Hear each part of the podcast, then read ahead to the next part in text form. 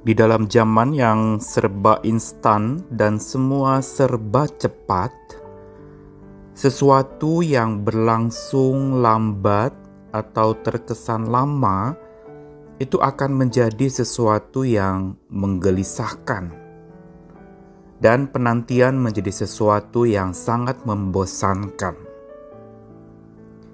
Begitu pula yang sering dipertanyakan kepada Tuhan oleh orang percaya Mengapa ada kesan seolah Tuhan itu lama memberikan jawaban atau lambat dalam menolong orang-orang yang butuh pertolongan?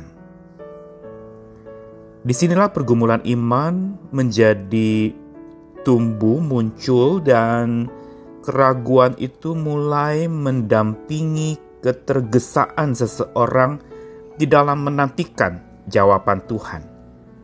Padahal sebenarnya Tuhan tidak langsung menjawab bukan karena ia tidak mau menjawab, tetapi dia sedang menguji kesabaran orang yang memohon dan menantikan Tuhan. Saya Nikolas Kurniawan menemani dalam Sabda Tuhan hari ini. Selama satu minggu ini kita akan kembali melihat dari Mazmur dan Mazmur yang akan kita gali bersama dalam hari-hari ke depan ini yaitu Mazmur 40. Ayat yang kedua sampai yang keempat saya bacakan, Aku sangat menanti-nantikan Tuhan, lalu ia menjenguk kepadaku dan mendengar teriakku minta tolong. Ia mengangkat aku dari lubang kebinasaan, dari lumpur rawa. Ia menempatkan kakiku di atas bukit batu, menetapkan langkahku ia memberikan nyanyian baru dalam mulutku untuk memuji Allah kita. Banyak orang akan melihatnya dan menjadi takut, lalu percaya kepada Tuhan. Daud adalah satu sosok pribadi yang banyak kali diuji kesabarannya.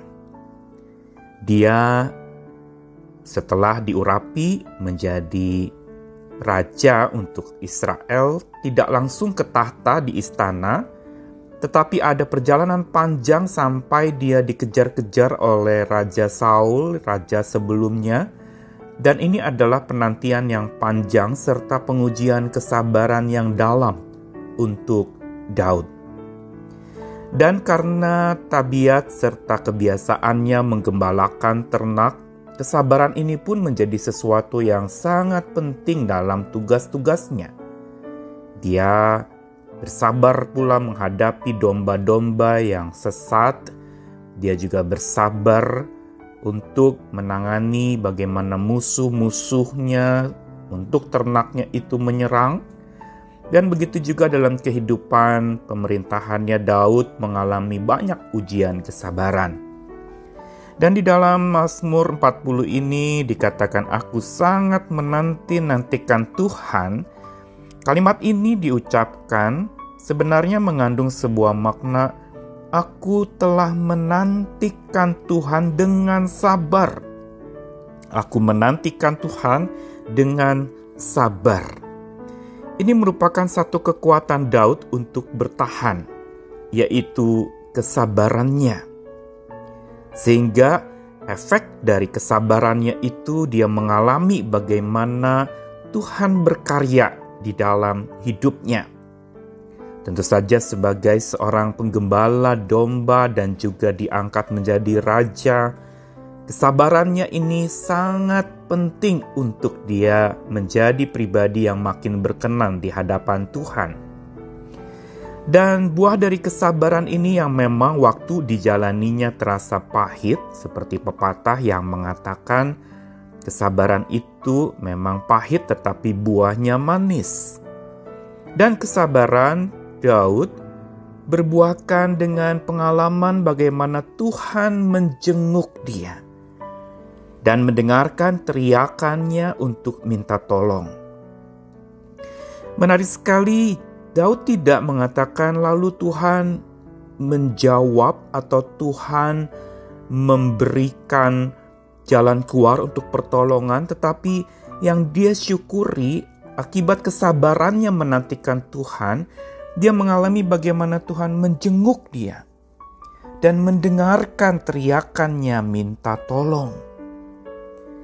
Inilah yang dia alami yaitu bahwa Tuhan menjenguk dia agar dia menjadi pribadi yang tunduk kepada Tuhan. Bukankah di dalam ayat selanjutnya dikatakan Tuhan mengangkat aku dari lubang kebinasaan dari lumpur rawa. Yang berarti bahwa ketika dia sedang dalam keadaan yang memang tidak berdaya, di situlah sebenarnya dia sedang dilatih untuk tunduk. Saat Tuhan menjenguk dia, dia sedang dilatih ketundukannya kepada Tuhan. Dan inilah yang sebenarnya buah dari kesabaran Daud, yaitu dia dijenguk Tuhan dan menjadi tunduk.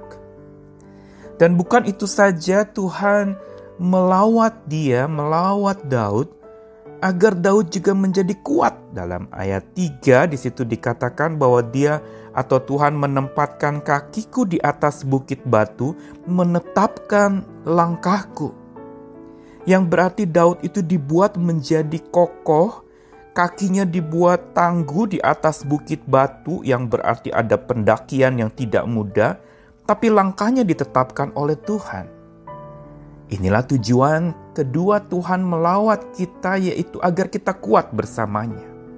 Dan semua ini buah dari kesabaran kita menantikan Tuhan. Dan ketika Daud lalu kemudian dikatakan dia ditetapkan langkahnya, maka dia makin melangkah dan makin kuat. Karena ada Tuhan bersama dengan dia. Dan bukan itu saja buah dari kesabaran Daud adalah Tuhan memberikan nyanyian baru di dalam mulutnya untuk memuji Allah kita. Tuhan menaruhkan nyanyian baru dalam mulutnya ini bukan sekedar bicara masalah-masalah musik karena memang Daud seorang pemusik. Tapi bicara tentang nyanyian baru ini bicara tentang sebuah pembaruan yang Tuhan kerjakan sehingga ada satu cara pandang atau perspektif yang baru dalam diri seseorang yang Tuhan taruhkan di dalam hati orang itu. Dan inilah yang dimaksud dengan Tuhan memberikan nyanyian baru untuk memuji Allah, yaitu Tuhan membaharui Daud. Tuhan menghampiri agar Daud diperbaharui oleh Tuhan. Dan buah dari kesabaran itu mencapai puncaknya ketika itu menjadi kesaksian banyak orang, sehingga orang menjadi takut lalu percaya kepada Tuhan.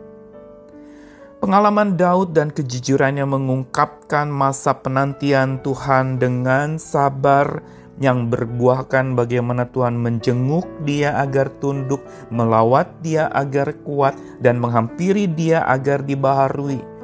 Ini telah menjadi sebuah pengalaman nyata dan konkret membuat kita sebagai orang percaya juga belajar berserah seperti Daud dan belajar bersabar menantikan pertolongan Tuhan.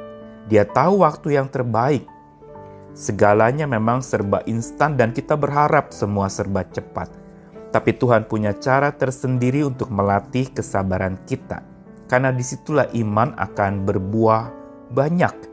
Nama Tuhan akan dimuliakan dan cara Tuhan membentuk kita dengan kesabaran itu agar kita menjadi makin dewasa di dalam Tuhan. Selamat bersabar, selamat mengalami dijenguk oleh Tuhan, dilawat oleh Tuhan, dan dihampiri oleh Tuhan. Amin.